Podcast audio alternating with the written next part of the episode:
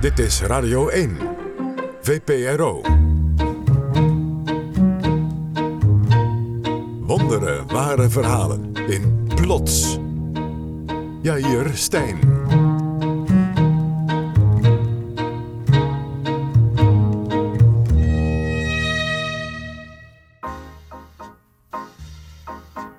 Ik kan eieren heel goed uh, koken. En ehm, water. Stijn is directeur van een reclamebureau. Hij houdt van lekker eten, maar koken is niet zijn sterkste kant. Een aardappelschotel kan ik ook goed maken. Dan doe ik er ook wel eens vlees bij, maar ik heb ontdekt dat dat vlees dan uh, al zwart is voordat de aardappelen gaar zijn. Dus dan moet ik al het zwarte vlees moet ik er dan weer uithalen. Meestal heeft hij een vriendin die voor hem kookt, maar niet altijd. Nou, toen op een gegeven moment ik geen vriendin had, dacht ik, hoe kom ik nu elke dag toch weer aan een, um, een hap eten? Enkele dagen per week gaat hij naar zijn stamkroeg en bestelt dan de daghap. Maar het eten daar is, zoals Stijn het uitdrukt, weinig inspirerend. Bovendien zou elke dag uit eten gaan op lange termijn te kostbaar worden. En dus gaat hij rekenen. Het was voor mij vrij simpel om te bedenken dat een eigen restaurant uh, um, beginnen wel erg praktisch zou zijn voor mezelf om dan uh, elke avond uh, gratis te kunnen eten. Dus zo had ik het ongeveer berekend dat dat geld wat je anders kwijt zou zijn, dat het gewoon weer terugvloeit in je eigen zak. Hoe langer hij erover nadenkt, hoe enthousiaster hij wordt over zijn eigen rekensom. Ook al denken de experts er anders over. Nou, accountant zei dat plan van jou dat kan nooit. En eh, daar kan je nog wel eens uh, een stevige bel mee vallen. Maar um, accountants zijn nou helemaal geen zakenmensen. Stijn voelt gewoon dat hij op de goede weg is. En al helemaal als hij een kok vindt die ervan droomt om een eigen restaurant te hebben. Ze besluiten partners te worden. Ik wil een restaurant. Hij wil het ook graag. Hij kan koken, ik kan niet koken. Maar ik heb wel contact met een bank die met me mee wil denken. Dus alle ingrediënten waren klaar. Hij koopt een geschikt pand in een winkelstraat in Den Haag en begint voortvarend aan een grote verbouwing. Maar dan blijkt dat de kok twijfelt. De druk wordt hem te groot. Hij heeft last van plankenkoorts. Hij zag steeds meer in dat het fantaseren over was en dat de realiteit steeds dichterbij kwam. En hij kon niet meer slapen, dus ik moest uh, mijn rekensommetje wel even maken. Van wat, um, wat nu te doen. Stijn is zijn kok en partner kwijt en moet razendsnel iets nieuws verzinnen. Gelukkig vindt hij iemand die het pand van hem wil huren om er zelf een chic restaurant te beginnen, dat al snel populair wordt bij ministers en bekende kunstenaars. De zaak is een groot succes, maar niet voor Stijn, die andere verwachtingen had. In de tijd dat ik bedacht had om een eigen restaurant te beginnen, dacht ik van ik word daar met open armen ontvangen en ik krijg de mooiste tafel toebedeeld. Maar Stijn is niet langer de eigenaar van het restaurant. Hij is slechts de huisbaas. Ik werd wel als een koning ontvangen, maar ik kreeg ook een koninklijke rekening nadat ik met mijn servet mijn mond had afgeveegd. Dit is plots met wonderlijke ware verhalen rond één thema. Het thema vandaag: een simpele rekensom. Over mensen die de complexe werkelijkheid te lijf gaan met eenvoudige berekeningen. Twee verhalen hebben we vandaag. Het eerste verhaal gaat over de liefde, uitgedrukt in harde cijfers. Het tweede verhaal over de prijs van een mensenleven. Blijf luisteren.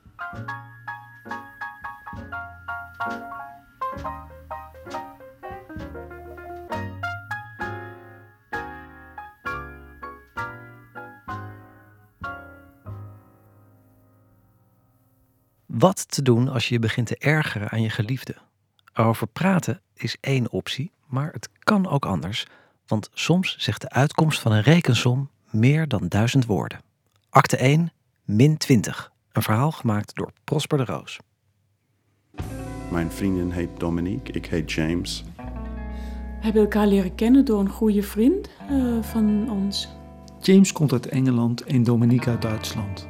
Ze leren elkaar in Nederland kennen. Zij is een heel lief, intelligent, nieuwsgierig vrouw. ja, ik hou van hem. En zijn karakter heeft natuurlijk verschillende facetten. En sommige vind ik heel erg fijn en aantrekkelijk en andere minder. Op een gegeven moment beginnen James en Dominique elkaar cijfers te geven. Wat wij proberen of wat wij deden is zeg maar uh, gevoelens of handelingen in cijfers uh, om te zetten. Om te zetten in data. Het was na de periode van totale uh, liefde. De eerste verliefdheid was over. Ja. Waarin je ziet al die echt dingen die een persoon heeft. Behaviors die zijn misschien niet, niet zo leuk. Aan de hand van kleine dagelijkse zaken stellen ze samen een lijstje op. En wij hebben een soort wekelijkse review gehad um, om met elkaar te communiceren. En dan begonnen wij heel langzaam onze gevoelens te, uh, op tafel op tekenen met een plus of een min uh, cijfer. Het maximale wat je kon hebben uh, als het goed was, was plus 50 puntjes, zeg maar. En het slechtste was min 50. Plus 10. Plus 20. Min 15. Plus 5. Het begon heel speels, maar het was toch verrassend voor ons allebei dat het toch iets over die ander vertelt. Bijvoorbeeld dit. Kissing drunken on a bike. Ja. nou ja, dat je zeg maar dat je op weg naar huis bent van ergens. Nou, gewoon heel een, uh, zeg maar naast elkaar fietsen en gewoon een kusje geven, zeg maar op de mond. Dominique heeft plus 15 gegeven. Nou, ik, ik vond het altijd leuk en grappig. Ik dacht van, nou, geef maar een kusje op de fiets en zo. Maar voor hem, hij, hij wou dat nooit doen. Maar ik dacht van, nou, hij vindt het vast wel ook leuk. Ik heb min 15. En hij vond, vond het blijkbaar gevaarlijk. Uh, ja, dat ik misschien ga crashen. Ik was een beetje verbaasd. Ik dacht van, oh, goh, ik wist niet dat hij dat zo vervelend vindt. Nee, dat had je niet meegekregen? Nee, nee, hij zei wel, hij keek een beetje of zei, nou moet dat nu. Maar ja, ik had niet door dat hij dat, uh, ja, dat, hij dat echt, dat het echt uh, op zijn zenuw werkt. Um, holding the remote control. Uh, holding the remote control, ja. En switching channels. Zij heeft mij gegeven min 20. En hij plus 20. Dus hij dacht, oh, het is hartstikke leuk. Zij vindt het vast ook wel leuk om een beetje uh, verschillende pro programma's te zien. En zij vond het helemaal niet leuk. Ja, typisch mannen. Ik denk dat dat leuk is, maar nee. Dat is klassiek. Maar ja, nu is het opgelost omdat we hebben allebei, geen, allebei geen televisie meer. She kicked the, the can. Uh, kicking cans uh, in the street. Min 20. Nou, ik zat gewoon op die fiets en als er iets op de grond lag, zeg maar een lege bierblik of colablik, dan ging ik er tegenaan trappen. En dat heeft zo'n vreselijke geluid gemaakt. Elke keer dat ze had dat gedaan, vond ik dat verschrikkelijk. Maar ik dacht van, nou ja, het is toch grappig, dus ik deed het maar. Ik vond het niet leuk en zij heeft doorgegaan. En dan zei ik min 20 en dan zei ze, min 20? Hoe? Vind je dit niet leuk?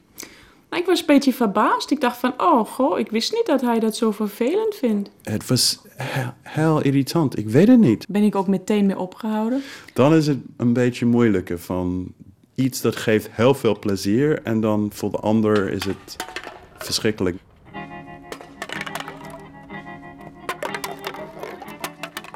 Plus 5. Min 15. Min 25. Plus 10. Min 20.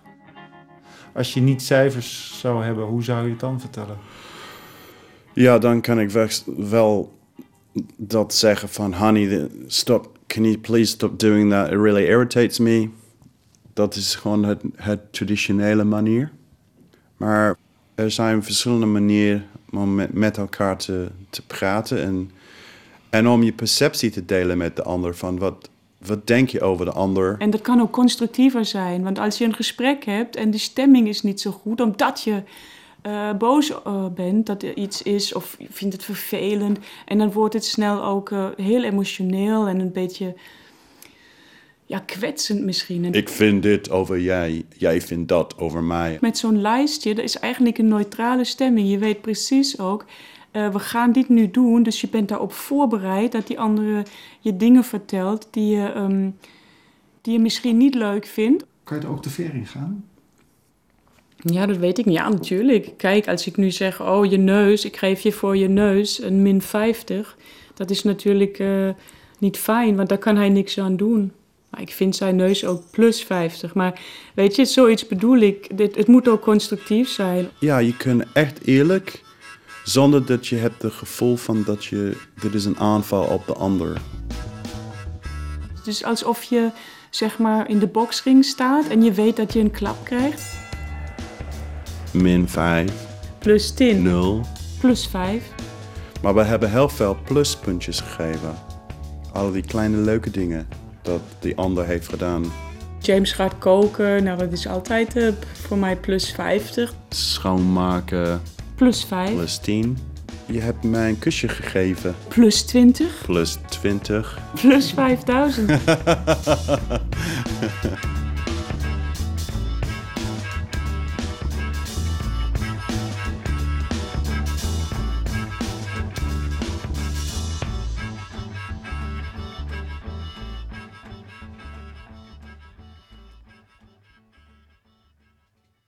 Er zijn rekensommen waarvan je hoopt dat je ze nooit hoeft te maken. En waarvan je misschien zelfs vindt dat niemand ze zou moeten maken, omdat de uitkomst in het uiterste geval betekent dat iemand sterft. In de gezondheidszorg zijn er mensen die, zonder dat u en ik het weten, deze berekeningen maken. Zij berekenen wat we opleveren voor de maatschappij en hoeveel geld we mogen kosten als we ernstig ziek worden. Het wordt allemaal tot achter de komma becijferd. Maar wat als niemand zich aan deze berekeningen zou wagen? Dreigt ons leven dan onbetaalbaar te worden? In plots een zoektocht naar de antwoorden op onmogelijke vragen. We stelden ze aan patiënten, aan rekenaars en een medicijnfabrikant. Acte 2, een redelijke prijs. Een verhaal gemaakt door onderzoeksjournalist Ivo van Woerden en Laura Stek. Welkom. Hallo. Dag. Konden jullie het uh, vinden? Een oud Hollands huisje in Medemblik. Dit is waar Andrea Stine woont. Ze loopt moeizaam en toch maakt ze een kordate indruk. Via een kruipdoor-sluipdoorgangetje komen we in haar kantoor aan huis. Ja, dat is mijn kantoor. Uh, ik uh, besteed hier uh, drie uur per dag aan een patiëntenvereniging. Maar ik verdeel het over de dag. en als ik een dag me niet goed voel, dan gaat het over. Andreas dagen zien er wisselend uit. Ik uh, had uh, nooit veel energie. Als klein meisje is het onduidelijk wat er met haar aan de hand is. Ik was altijd uh, heel regelmatig ziek. Mijn moeder zei altijd: Nou, je bent een zwak poppetje. Ik zat huilend op de wc in de pauze en ja, een totale uitputting gewoon. Ze slikt lange tijd ijzerpillen om meer energie te krijgen. Maar het werkt niet. Op haar 21ste krijgt ze eindelijk een diagnose te horen. Andrea heeft PNH, een zeer zeldzame bloedziekte die kan leiden tot trombose en daardoor hart- en herseninfarcten, nierfalen, acute leukemie en beenmergfalen. De wereld stort uh, in. Ik uh, was net gaan samenwonen. Ik wilde kinderen. Ja, dan, dan ga je toch anders uh, naar de toekomst kijken. Vooral omdat de levensverwachting niet gunstig is voor haar ziekte. Ik had al op internet gelezen. Er was uh, bijna niks voorhanden. Dat de levensduur ongeveer 10 jaar zou zijn. Inmiddels is Andrea 48. Het gaat relatief goed met haar. Want sinds kort is er eindelijk een medicijn. Het middel heet Soliris en is ontwikkeld door farmaceutisch bedrijf Alexion. Het is zo dat Soliris in, in klinische studies heeft aangetoond van nagenoeg 100% effectief te zijn. Al dus Patrick Rappe van Alexion, die de functietitel Pharmaceutical Affairs Commercial Operation Manager draagt. Soliris is een zogenaamd weesgeneesmiddel. Dat zijn medicijnen voor zeer zeldzame ziektes waar jarenlang niemand zich om bekommerde. Farmaceutische bedrijven hadden amper interesse in dit soort ziektes. Ze wilden alleen medicijnen ontwikkelen voor de massa, zoals cholesterolverlagers of antidepressiva. Daar bestaan al tientallen middelen voor, maar er zijn zoveel potentiële patiënten dat zelfs een klein stukje van de taart al de moeite waard was.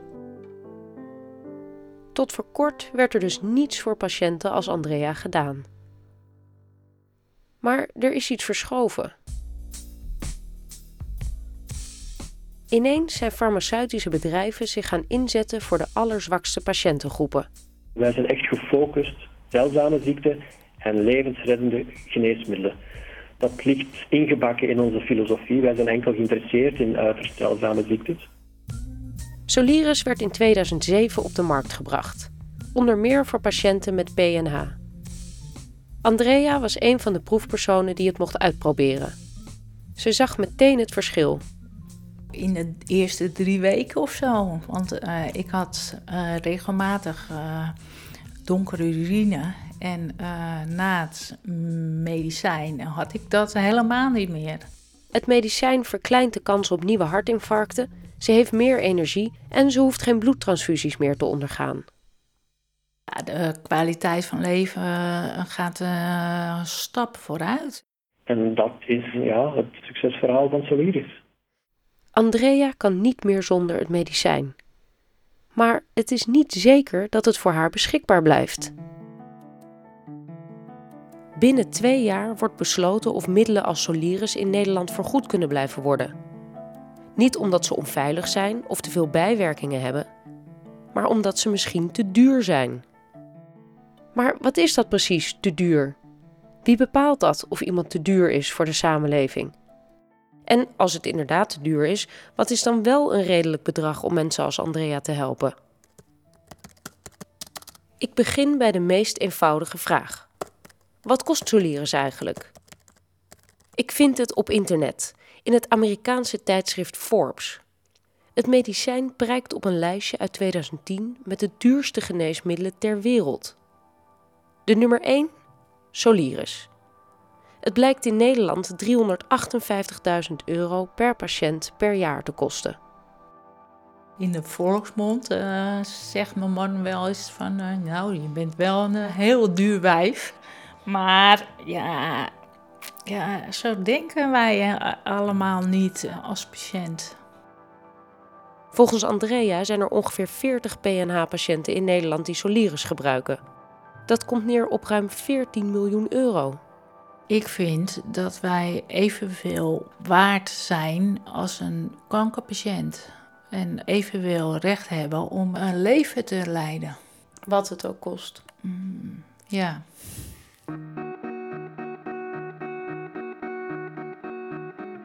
De patiënten zelf houden zich uiteraard niet bezig met de vraag of ze misschien te veel zouden kosten.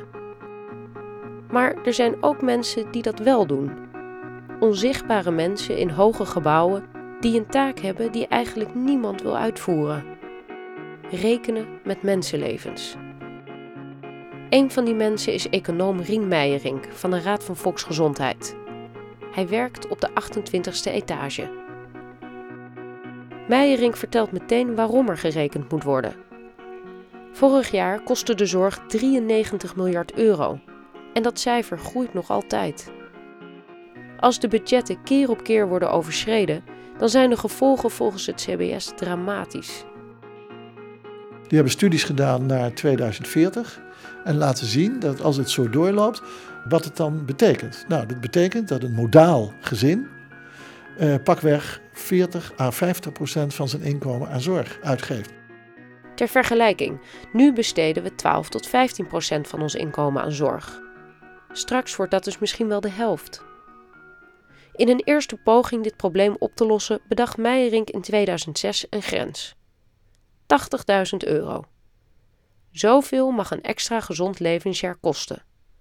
Kijk wat het kost, kijk wat het oplevert. Als het echt uh, meer dan 80.000 per uh, gebonden levensjaar is, uh, dan moet je serieus kijken of je dit wel gaat doen. Bij de publicatie van het rapport kregen Meijerink en zijn collega's heel Nederland over zich heen. Wat mag een mensenleven kosten? Dat is de vraag. Het antwoord? 80.000 euro per gewonnen levensjaar. Uh, iedereen schreeuwde mooi de brand dat het een schande was en dat je een mensenleven niet in uh, 80.000 euro kon vatten. En ja, fijn, dan, dan kwam ik in uh, radio- en televisieprogramma's waarbij dan patiënten aanwezig zijn. En je even uitleggen wat dat voor hen persoonlijk betekent. Ja, dat, dat, dat is niet gemakkelijk natuurlijk. Maar hoe zijn ze op die 80.000 euro gekomen? Simpel. Een verblijf van een jaar in een verpleeghuis kost bijvoorbeeld 60.000 euro. En een Amerikaanse studie zegt dat een gemiddeld leven 5,6 miljoen euro waard is. Als je dat deelt door de gemiddelde levensverwachting van 79 jaar, dan zou dat neerkomen op 71.000 euro per jaar. En omdat we niet te zuinig willen doen, ronden we het af naar boven. Voilà, 80.000 euro. Um, dus wij dachten, als we een grens noemen, moet die in ieder geval hoger zijn dan in de ons uh, bekende landen. Omdat een Nederlander meer waard is dan een Brit of een Fransman? Nee, want uh, je, je laat zien dat er een heleboel moet kunnen. Maar wat doen de artsen als je meer kost dan 80.000 euro? Wordt de behandeling dan geweigerd? Er gebeurt, zo blijkt, helemaal niets.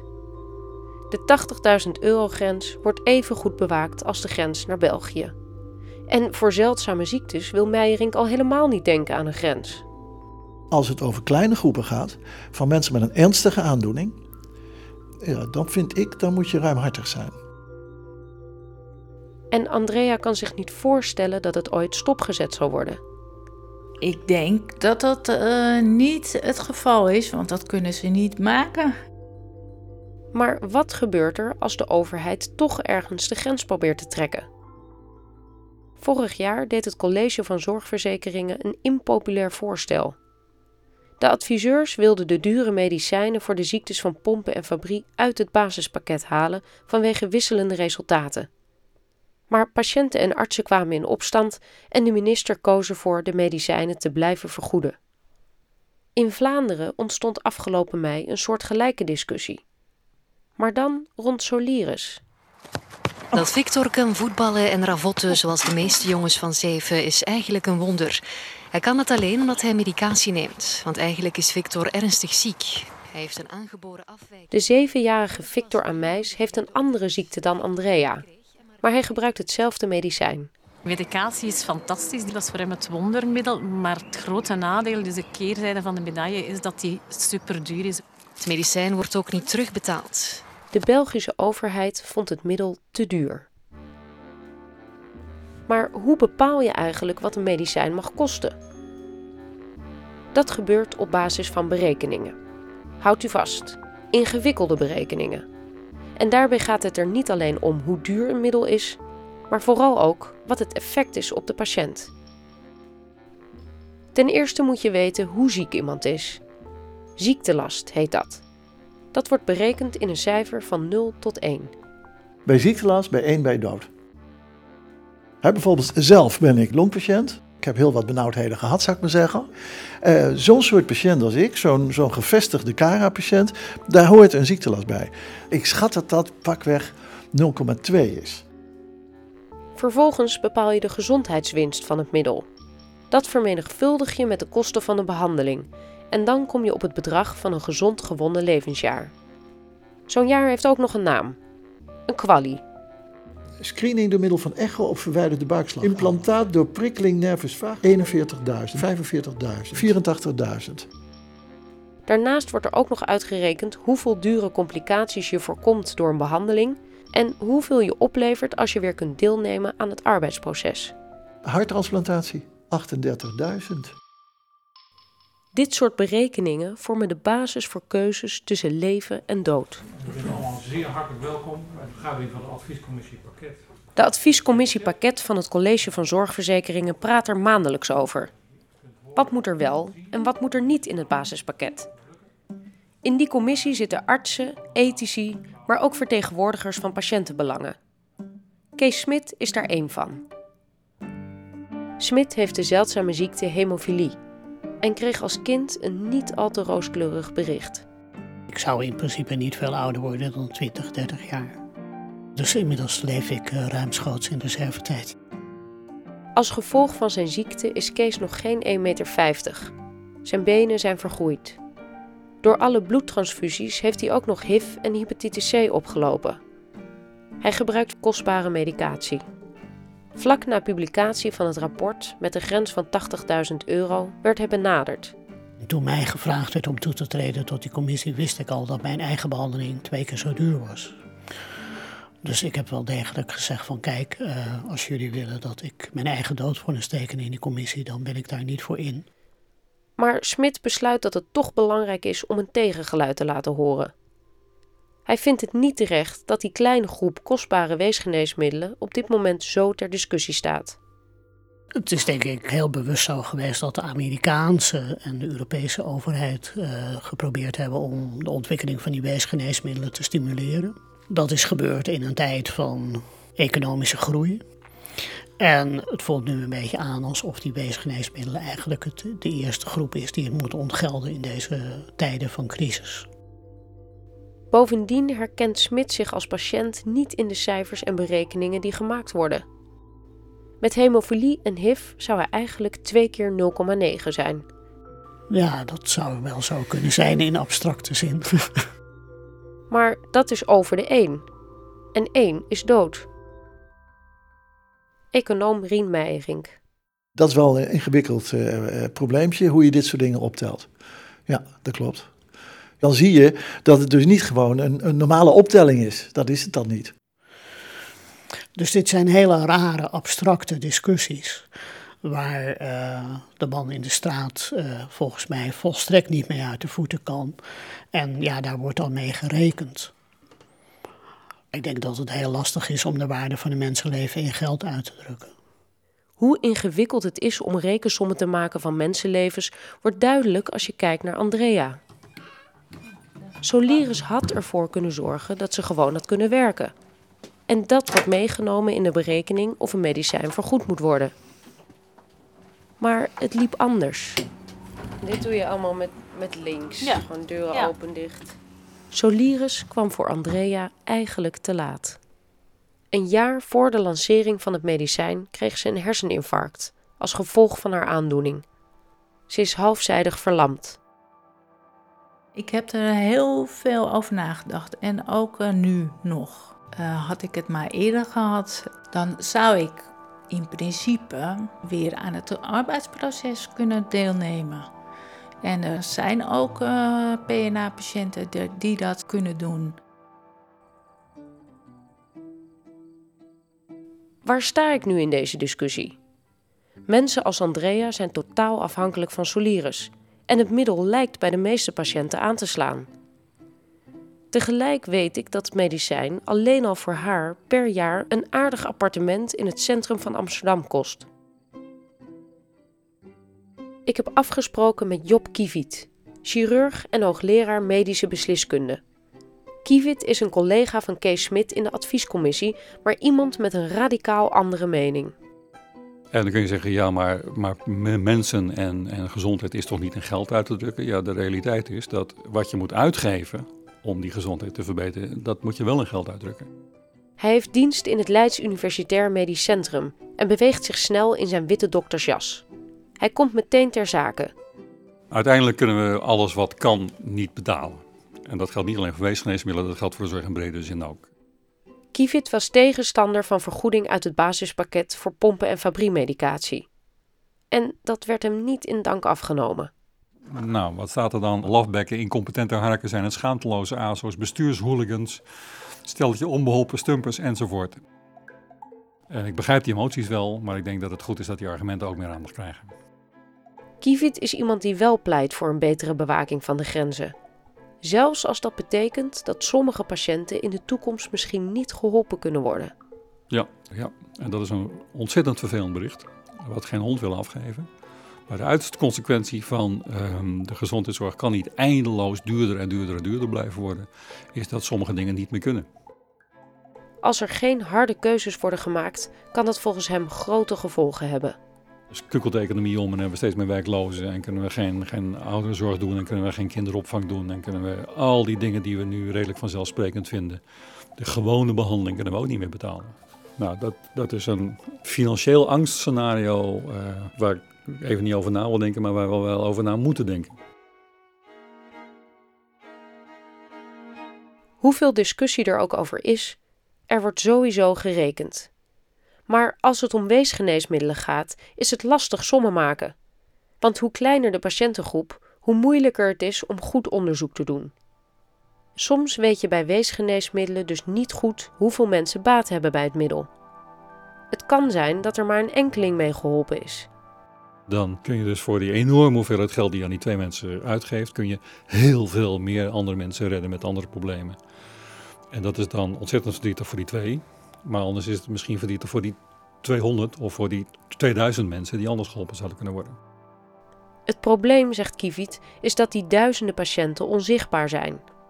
Alleen de meest schrijnende gevallen, de mensen met een zeer zeldzame ziekte, die komen op tv. En natuurlijk komen die 2000 niet alle 2000 in beeld. Uh, en komt wel één van die twee in beeld. En, en dat verstoort dan enorm de besluitvorming. Dit klinkt een beetje als het klassieke filosofische dilemma. Een trein raast met hoge snelheid op vijf anonieme mensen af. Je kijkt toe en weet, met een zwaar object kan ik een aanrijding voorkomen. En je hebt de keuze de vriendelijke man die naast je staat voor de trein te duwen. Wat zou je doen? Terug naar de kleine Victor uit België. Op 7 mei kwam er uiteindelijk toch een oplossing. Victor en de andere patiënten krijgen Soliris nu vergoed. Zelfs nadat dit in het nieuws was gekomen. De ouders van Victor kunnen amper geloven wat er in de krant staat.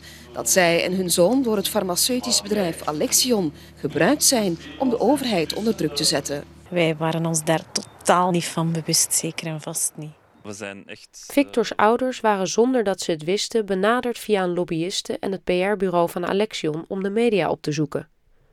Dat is op zich niet zo vreemd. De fabrikant en de patiënt hebben gedeelde belangen. En natuurlijk stap je naar de media als het om de gezondheid van je zoon gaat. Maar de minister was niet te spreken over de geheimzinnige mediastrategie. En toch kwam er een oplossing. Er vonden geheime onderhandelingen tussen de minister en Alexion plaats. Net als hier in Nederland twee maanden geleden met de fabrikant van de pompen en fabriemedicijnen. Ook daar kwam een positieve uitkomst uit. Blijkbaar kunnen de dure medicijnen dus goedkoper. En de onvermijdelijke vraag dringt zich op: waarom is het middel überhaupt zo duur? Patrick Rappe van Alexion. Gedurende 15 jaar is er geen winst geweest. En dus die 15 jaar vooraleer het product vergund werd, was er absoluut geen enkele zekerheid dat het product ook zou erkend worden. Dus ja, die, die, die ontwikkeling van dat soort moleculen is, is zeer risicovol. En hoeveel kost het eigenlijk om het medicijn te maken? Zo'n 800 miljoen. En daarbovenop nog eens 200 miljoen geïnvesteerd in de echte fabrikage, de echte productie van het, van het product. 1 miljard, zegt Alexion. Maar op internet vind ik dat experts het bedrag veel lager schatten. Sinds 1999 blijkt er namelijk een nieuwe Europese regeling te zijn voor weesgeneesmiddelen. Met allerlei fijne voordelen voor de fabrikant. Een garantie op 10 jaar marktexclusiviteit en aantrekkelijke belastingvoordelen. Bedoeld om de farmaceutische bedrijven te verleiden om in nieuwe middelen te investeren. En het heeft gewerkt. De afgelopen jaren is het aantal weesgeneesmiddelen sterk gegroeid. Nu vormen ze nog maar een klein aandeel van de gehele zorg, 6 tot 7 procent. Maar volgens Job Kievit gaat het snel veranderen. De literatuur die ik toen heb gelezen, ook uit de farmaceutische hoek, uh, ja, daar zie je gewoon in dat men zegt: dit is ons nieuwe expansiegebied. Ik zoek verder. Sinds de introductie van Soliris blijken de aandelen van Alexion meer waard dan die van Apple. Hun omzet is in twee jaar tijd verdubbeld. Alexion heeft goud in handen. En dat is niet zo vreemd. Met Soliris hoeft het bedrijf veel minder te investeren in marketing, normaal een van de hoogste kostenposten. Want de weinige patiënten die er zijn, vinden het middel toch wel. En het grootste voordeel is dat je als fabrikant zo'n beetje elke prijs kunt vragen zonder dat het geweigerd wordt. De patiënten met een weesziekte zijn zo hulpbehoevend dat je het als overheid eigenlijk niet kunt maken om vergoeding te weigeren. Op internet vind ik een vernietigend artikel van de Vlaamse gezondheidsexpert Chris Hul. Hij vergelijkt de strategie van Alexion met een gijzelingsdrama. Het losgeld betalen of niet is voor de overheid een verschroeiende keuze, zegt hij. En bij elk van beide opties is diezelfde overheid de verliezende partij. We vragen een reactie aan Alexion. Dit keer worden we doorgestuurd naar een woordvoerder in New York, directeur communicatie Irving Adler. Hij benadrukt dat Alexion als enige iets doet voor patiënten met een extreem zeldzame ziekte. Is to help patients who otherwise would have no hope. No other company is interested in helping them because the market isn't big enough. Maar hij is minder spraakzaam als de kritiek ter sprake komt. We have no comment at this time. Bijvoorbeeld als we hem vragen naar de vergelijking met een gijzeling. I would not be able to comment any further. Of naar de ouders van Victor, die benaderd werden door een PR-bureau. As I said, we behaved appropriately at all times. I would have nothing else to say. Maar ook al weigert het bedrijf commentaar, ik denk dat ik ze wel begrijp. Alexion is een commercieel bedrijf dat inspeelde op de roep om medicijnen voor een vergeten patiëntengroep. Ze namen enorme risico's, gingen bijna failliet. Nu hebben ze eindelijk succes, maken ze de middelen waar we jarenlang om smeekten en nu is het weer niet goed. Terug bij Andrea, in haar huisje in Medemblik. Poes Max kronkelt langs haar benen als ze met een stok naar haar kantoortje loopt. Als ze zich goed genoeg voelt, zet ze zich in voor de patiëntenvereniging. Want uh, ja, alle rode spelden, dat zijn de Ja. PNA-patiënten. Ja. Ze laat een landkaart zien met alle patiënten erop. Als we zouden kunnen inzoomen op die speldenknopjes, dan zouden we levens zien. Mensen met families, huisdieren, hobby's, angsten en dromen. Zieke mensen die alles aangrijpen om zich beter te voelen en langer te leven. Maar de rekenaars zien aan die speldenknopjes ook prijskaartjes. Ik zou niet in hun schoenen willen staan, want je beslist over patiënten die een eh, menswaardig bestaan eh, kunnen opbouwen door het medicijn wel of niet te vergoeden. Andrea verwacht dat Soliris gewoon vergoed kan blijven worden. Ik hoop dat ze gelijk heeft. En dat Andrea en de andere patiënten geholpen kunnen worden met de medicijnen die ze nodig hebben. Tegelijk denk ik aan de boodschap van Meijerink en Kiviet. Dat het in de toekomst onmogelijk is om alles te vergoeden. Er zijn tussen de 6 en 7000 weesziektes. Nu is er pas voor 55 van die zeldzame aandoeningen een middel. Stel dat er voor al die ziektes een nieuw middel wordt gemaakt. Eigenlijk zou dat een heel optimistisch toekomstscenario moeten zijn. Maar tot welke berekening zullen we komen? En wie gaat de uitkomst van die rekensom overhandigen aan de patiënt? Stel nou dat je eh, weet dat er een medicijn op de markt is en je kan er niet aankomen. Nou, dat is echt onverteerbaar.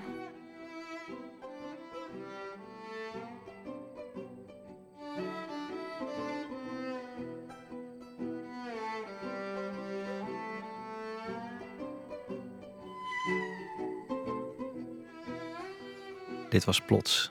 Volgende maand zenden we de allerlaatste aflevering uit van Plots. Maar we gaan er alles aan doen om dit type verhalen op de een of andere manier voor te zetten. Mocht dat lukken, dan willen we u, de mensen die de afgelopen jaren een klein beetje van ons programma zijn gaan houden, graag op de hoogte brengen. Wilt u weten waar en wanneer Plots straks weer te vinden is? Stuur mij dan een mail. Mag naar mijn persoonlijk adres j.stijn.vpro.nl.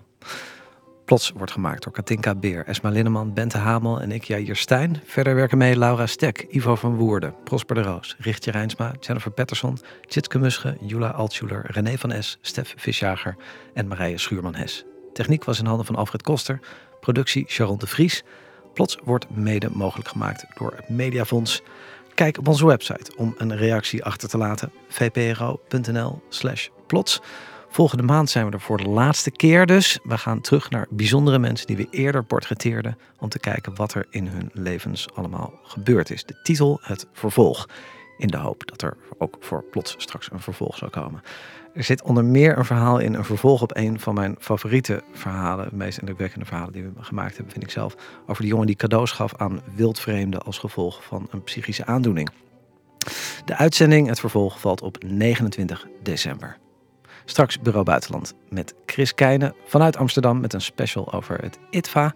Volgende week verhalen in Studio Itzerda. Ik wacht op uw mails. j.stein.vpro.nl en reacties op de site dus vpro.nl slash plots. Bedankt voor het luisteren.